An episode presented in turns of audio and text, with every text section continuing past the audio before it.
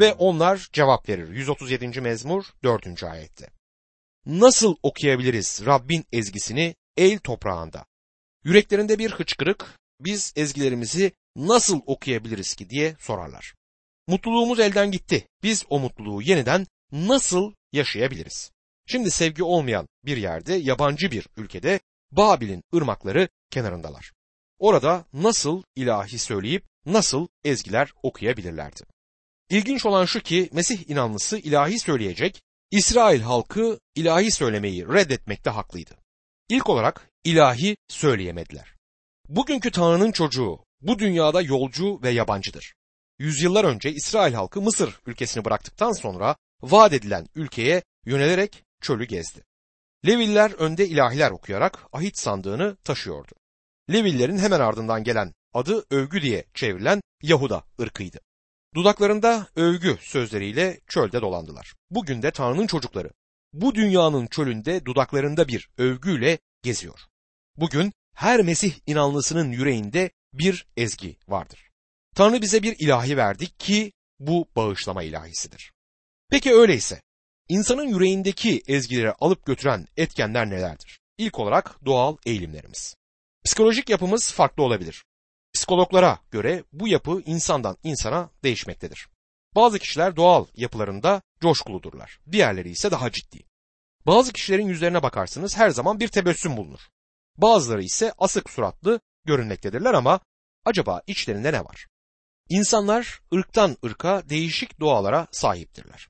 İskoçyalılar neredeyse her zaman yüzlerinde ciddi bir ifadeyle dolaşır. Onların karakter yapısı böyle ama acaba içlerinde ne var? Bunu bilemiyoruz.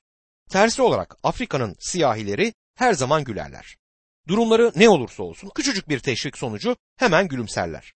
Tabi ekranlarımızda gördüğümüz kıtlık kurbanlarını hesaba katmıyorum. Her şeyin bir sınırı var.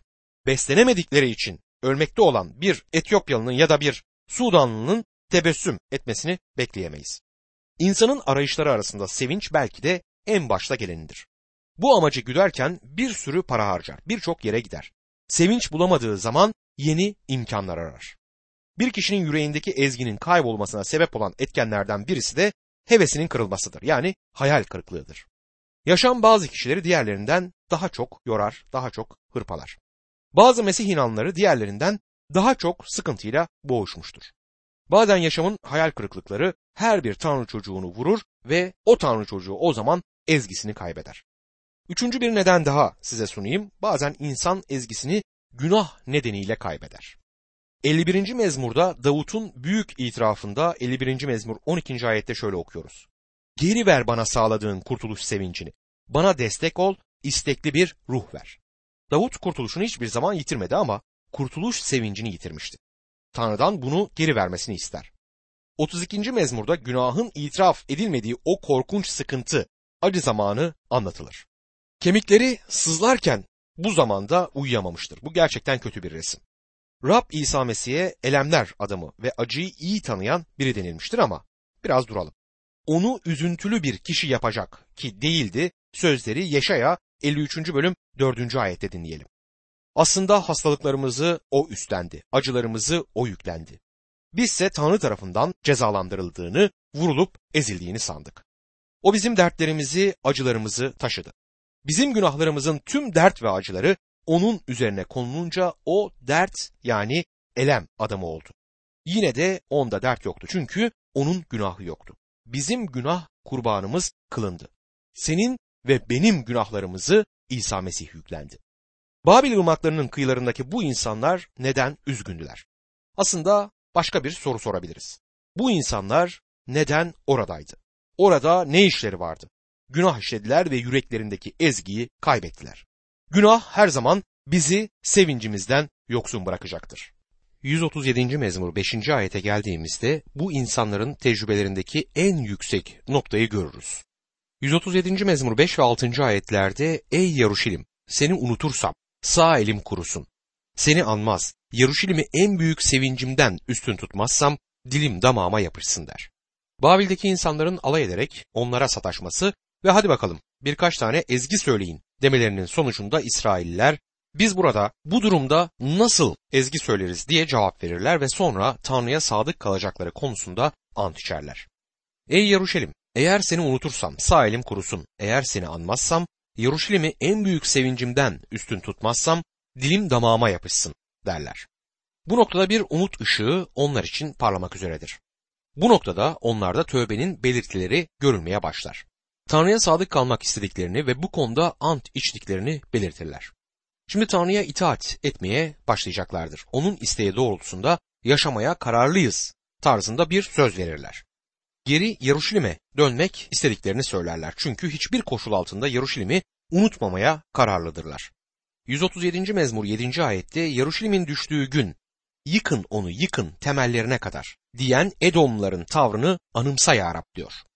Eskiden yer alan olayları hatırlayacak olursanız Edomların en büyük düşmanları olduğunu hatırlarsınız. Yarışlim düşman elinde geçtiğinde Edomlular da oradaydılar.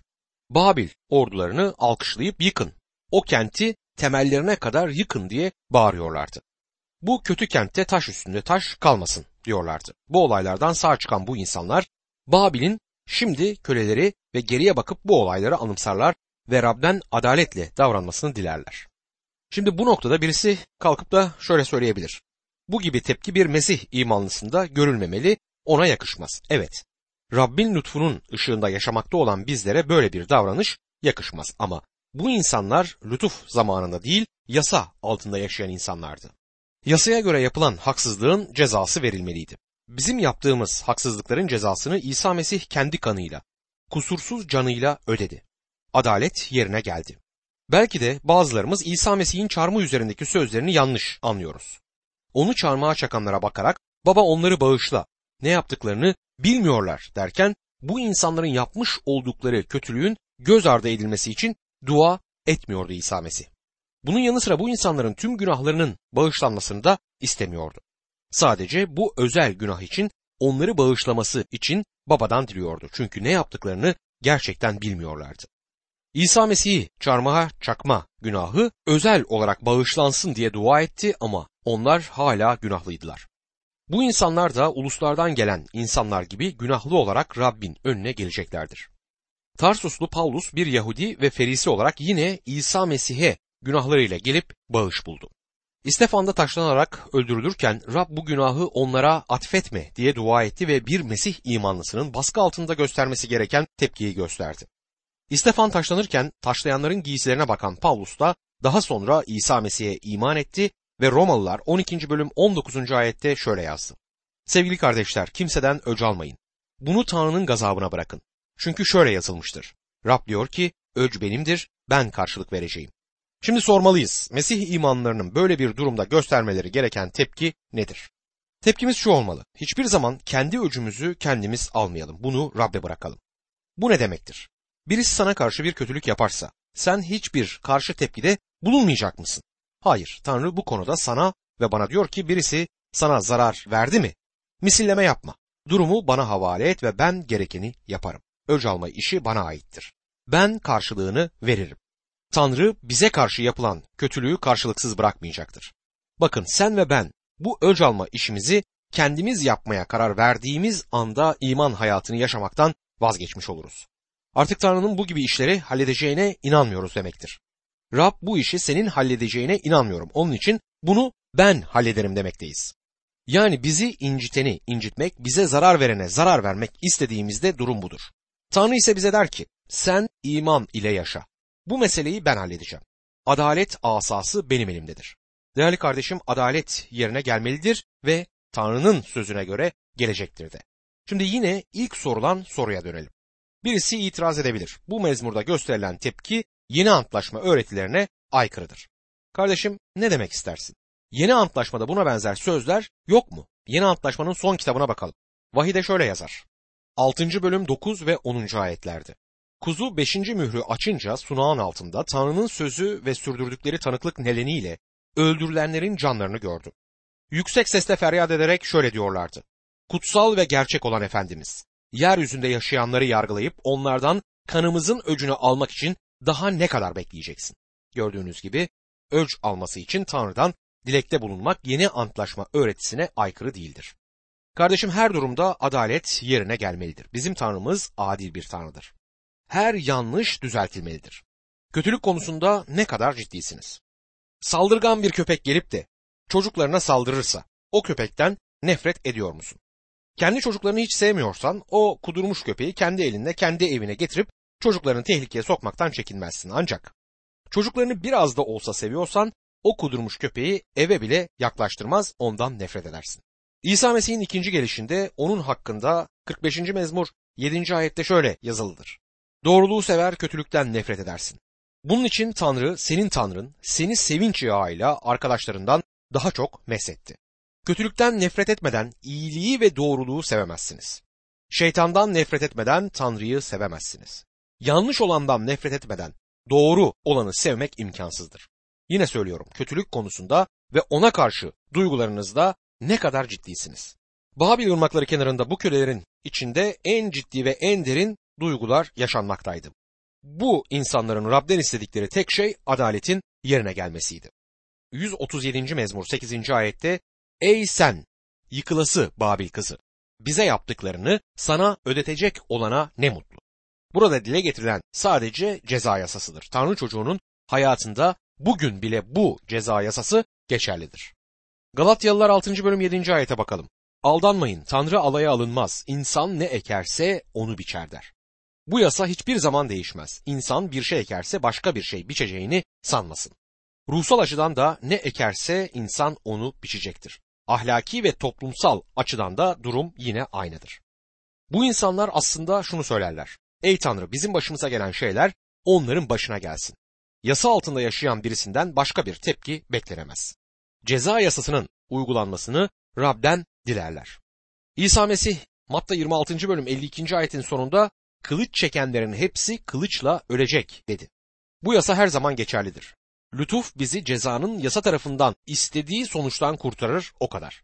Ceza yasası değişmez. Kılıç çekenlerin hepsi kılıçla ölecektir. Şimdi tam anlamıyla zor bir söze geldik. 137. mezmur 9. ayet. Ne mutlu senin yavrularını tutup kayalarda parçalayacak insana. Durumu göz önünde canlandırmaya çalışalım. İsrailli şimdi Babil ırmaklarının yanında köle olarak çalışır. Onunla alay ederler. Hadi bir iki şarkı söyle diye onunla dalga geçerler. Hayır bu yerde ezgiler söylemem diyor ve düşüncelerini geçmiş günlere çevirir. Sevdiği Yaruşilim kentini ve oradaki Rabbin tapınağını düşünür. Yine olayları yaşamaya başlar. Yaruşilim düşman eline düşmüştür. Edomlular Babilileri kışkırtarak bu kenti yerle bir edin, yıkın onu diye bağırırlar. Babil ordusunun güzel Yaruşilim'i nasıl yerle bir ettiğine tanık olmuşlardır. Sonra belki de bu İsrail'inin eşi kucağında bebeğiyle düşmandan kaçmaya çalışır. O korkunç sahne gözünün önünden bir türlü gitmez. İri yarı bir Babil askeri kadını ve çocuğu görür.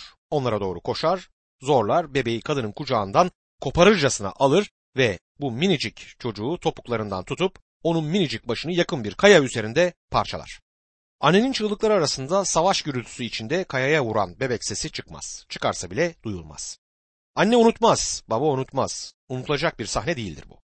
İsrailli hatırlar gökte adil bir tanrı vardır ve adil olduğu için o Babil askerinin yaptığını başkası onun çocuğuna yapacaktır diye inanır. Ne ektiyse bu asker onu biçecektir. Tanrı'nın ceza yasası budur. Bunu bildiği için Babil'inin çocuğunun da bir gün kayalar üzerinde parçalanacağına inanır. Biz bundan hoşlanırız, hoşlanmayız bu tarihi ilgilendirmez. Çünkü tarih bir ceza yasasının uygulandığını kaydetmiştir. Babillerin İsraillilere Yaruşilim halkına yaptıklarının aynısını Büyük Koreş Babillere yaptı. Bu zorbalıklar arasında masum olsalar bile çocuklarının başları kayaların üzerinde parçalandı. Tarih kendi kendini yenilemektedir. Günümüzde bile insanın adaletsizliği yüzünden günahlı oluşundan dolayı birçok masum çocuk hayatını ne yazık ki feci şekilde yitirmektedir. Dünyanın her kıtasında buna benzer olayların tarih tanığıdır. Acaba bu mezmur orta çağın insanları için mi yazılmıştır? Bugün aydınlanma çağında yaşıyoruz. Bu mezmur bugün için geçerli olabilir mi? Acaba yüzyıllar içinde insan o kadar uygarlaşmış olabilir mi? Şu mezmur artık bizim çağımız için geçerli değildir diyebilirsiniz. Dediğim gibi bugün dünyanın her kıtasında iç ve dış savaşlar sürüp gitmektedir. Bu savaşların en acıklı kurbanları çocuklar ve bebeklerdir. İnsanın insan kardeşine karşı uyguladığı insan dışı muamele bu mezmuru tarihin yapraklarından alıp günümüzün manşetine taşır. Ancak bu durumun düzeleceğini de sanmayalım. Gün gelecek ki geçmişte yapılanlar gölgede kalacaktır. Ben sadece şükrediyorum ki gökte doğruluk ve adalet ile hükmeden bir Tanrı var. İleride bir gün gelecek insanın günahını ortadan kaldırıp günahın izlerini bile burada bırakmayacaktır. Aynı zamanda şükrediyorum ki o merhametlidir. İnsana benzemez çünkü tam olarak merhametini gösterir.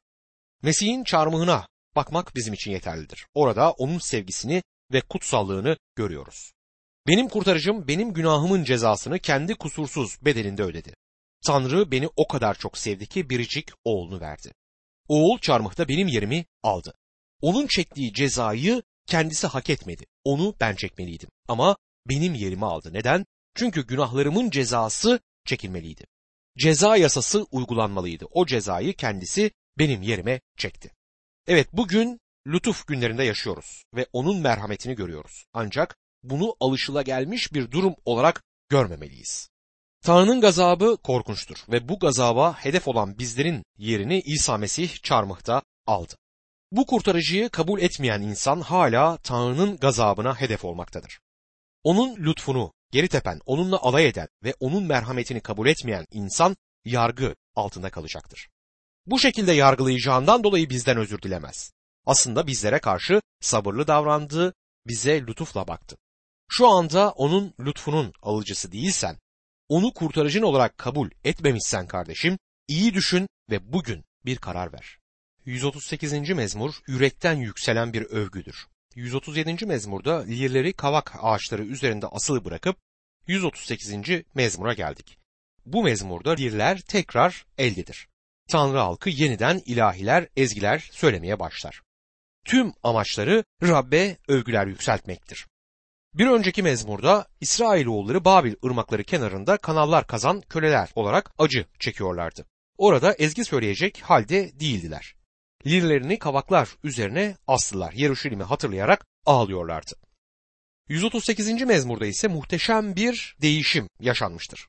Peygamberlik niteliğinde yazılan bu mezmurun yazarı ileriye bakar ve bir gün İsrail'den kalanların kurtulacağını, lirlerini ellerine alıp Rabbe en üstün ilahileri söyleyeceklerini görür.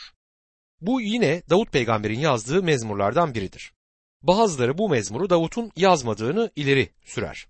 Öne sürdükleri gerekçe şudur. Mezmurda tapınaktan söz edilir. Biliyoruz ki tapınak Davut'un zamanında değil, o öldükten sonra oğlu Süleyman tarafından yapıldı. Bundan dolayı mezmurun Davut tarafından yazılmadığı iddia edilir. Ancak İbranice uzmanlarına göre tapınak için kullanılan sözcük Rabbin buluşma çadırı içinde kullanılabilen bir sözcüktür. Benim anladığım kadarıyla bu mezmur Davut tarafından yazılmıştır. Ve tapınak derken buluşma çadırından söz edilir. Tanrı esiniyle yazılan bu mezmurun başlığında Davut tarafından yazıldığı açıkça belirtilir. 138. mezmur 1. ayette bütün yüreğimle sana şükrederim ya Rab. İlahlar önünde seni ilahilerle överim der. Bütün yüreğimle sana şükrederim ya Rab. Bu sözü söylemek kolaydır ama gerçekten yürekten Rabbe şükrettiğimiz oluyor mu? Sen ve ben değerli kardeşim, yüreklerimizi yoklamalıyız. Rabbe tapınıyor muyuz? Gerçekte ve ruhta Rabbe tapıyor muyuz? Tapınıyorsak kendimize sormalıyız. Her şey için Rabbe şükreder miyim? Belki sen Rabbe şükür sunma konusunda isteksizsin. Neden böyle olsun? Herhalde insanın gururundan kaynaklanan bir tutum olsa gerek. İnsan içinde gurur ruhu taşıyan bir varlıktır. Çoğu kez bu gururdan dolayı konumumuzu bile kabul etmek istemeyiz. Biliyoruz içimizde övgü ve şükür isteği yok. Ama sanki dünyanın en ruhsal insanıymış gibi davranırız. Gerçekçi olursak şöyle dua etmeliyiz. Rab benim bu yaklaşımımı lütfen bağışla. Sabah kalktığımda seni düşünmüyorum. İlk düşüncem iş yerinde neler olacağı. Kilise topluluğuna gittiğimde ilahileri bir alışkanlık gibi söylüyorum. Vaizi eleştiririm. Kutsal sözünden okunurken sabırsızlanırım. Diğer insanları eleştiririm ama kendi yüreğimi hiç eleştirmem. Beni bağışla Rab. Bence bu şekilde dua edersen iyi bir başlangıç yapmış olursun. Gururunu yenmiş olursun ama gururun yanı sıra bencilliğin ve çıkarcılığın etkisi altında yaşıyor olabilirsin. Her insanın doğal yapısında bunlar vardır. İlahlar önünde seni ilahilerle överim diyor. Bazı çevirilerde ilahlardan önce seni ilahilerle överim der. Bu ikinci çeviri doğal olarak ilahlar yani melekler olarak algılanmalıdır. Ama her iki durumda da mezmur yazarı Rabbi över. 138. mezmur 2. ayette kutsal tapınağına doğru eğilir, adına şükrederim. Sevgin sadakatin için. Çünkü adını ve sözünü her şeyden üstün tuttun der. Tanrı'nın özü ve sözü birdir. Tanrı neyse onun sözü de odur. İnsanlar arasında bile özü ve sözü bir olan kişilerden söz edilir. Aslında bu konuda sözüne en çok sadık kalan insan bile Tanrı'nın bu konudaki karakter yapısına asla yaklaşamaz. Tanrı gerçekten özünde neyse sözünde de tam olarak aynısıdır. Ağzından ne söz çıkarsa onun öz niteliği yani karakter yapısı da odur. Aslında Tanrı için karakter yapısından söz edilemez. Onun hiç değişmeyen öz nitelikleri bulunur ve bunlar ne ise onun konuştuğu sözde aynıdır. Adını ve sözünü her şeyden üstün tuttun diyor. Yani ne söylediysen ya Rab senin adın yüceltildi. 138. mezmur 6. ayette Rab yüksekte de alçak gönüllüleri gözetir, küstahları uzaktan tanır der. İlginç bir söz var burada. Tanrı her şeyden yüksektir ama eşi görülmemiş bir alçak gönüllülüğü de sergiler. Tanrı sözünde Tanrı'nın alçak gönüllülüğe önem verdiği konusunda defalarca uyarı geçer. Bu önemli bir konudur. Günümüzün gururlu, çağdaş insanı bu alçak gönüllülüğü sergilemekte oldukça zorlanmaktadır. Yakup 4. bölüm 6. ayette yine de bize daha çok lütfeder. Bu nedenle yazı şöyle diyor. Tanrı kibirlilere karşıdır ama alçak gönüllülere lütfeder. Aynı zamanda Tanrı bize kutsal sözünde öğüt verip 1. Petrus 5. bölüm 6. ayette diyor ki uygun zamanda sizi yüceltmesi için Tanrı'nın kudretli eli altında kendinizi alçaltın. Evet kutsal yazılarda alçak gönüllülük konusunda pek çok ayet bulunur. Tanrı'nın dikkate aldığı ve iyi bir meziyet olarak tanıdığı bir durumdur bu. Yine onun kutsal sözünde bu konuda pek çok şey yazılır. 131. mezmur 1. ayette Ya Rab yüreğimde gurur yok, gözüm yükseklerde değil. Büyük işlerle kendimi aşan harika işlerle uğraşmıyorum der. Yaşaya peygamber kutsal ruhtan aldığı esinle bize diyor ki Yaşaya 57. bölüm 15. ayette yüce ve görkemli olan, sonsuzlukta yaşayan, adı kutsal olan diyor ki yüksek ve kutsal yerde yaşadığım halde alçak gönüllülerle, ezilenlerle birlikteyim. Yüreklerini sevindirmek için ezilenlerin yanındayım. Yine Petrus Anadolu'da acı çekmekte olan imanlara yazarken onlara yazdığı sözler aracılığıyla bize seslenir. 1. Petrus 5. bölüm 5. ayet. Ey gençler! Siz de ihtiyarlara bağımlı olun. Hepiniz birbirinize karşı alçak gönüllülüğü kuşanın. Çünkü Tanrı kibirlilere karşıdır. Ama alçak gönüllülere lütfeder. Yine Petrus aynı mektubunda 1. Petrus 3. bölüm 4. ayette diyor ki, Gizli olan iç varlığımız sakin ve yumuşak bir ruhun solmayan güzelliğiyle süsünüz olsun. Bu Tanrı'nın gözünde çok değerlidir.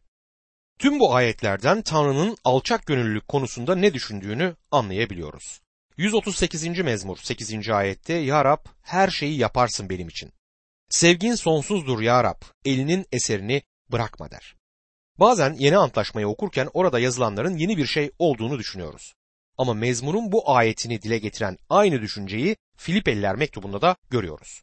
Filipeliler 1. bölüm 6. ayette sizde iyi bir işe başlamış olan Tanrı'nın bunu Mesih İsa'nın gününe dek bitireceğine güvenim var der.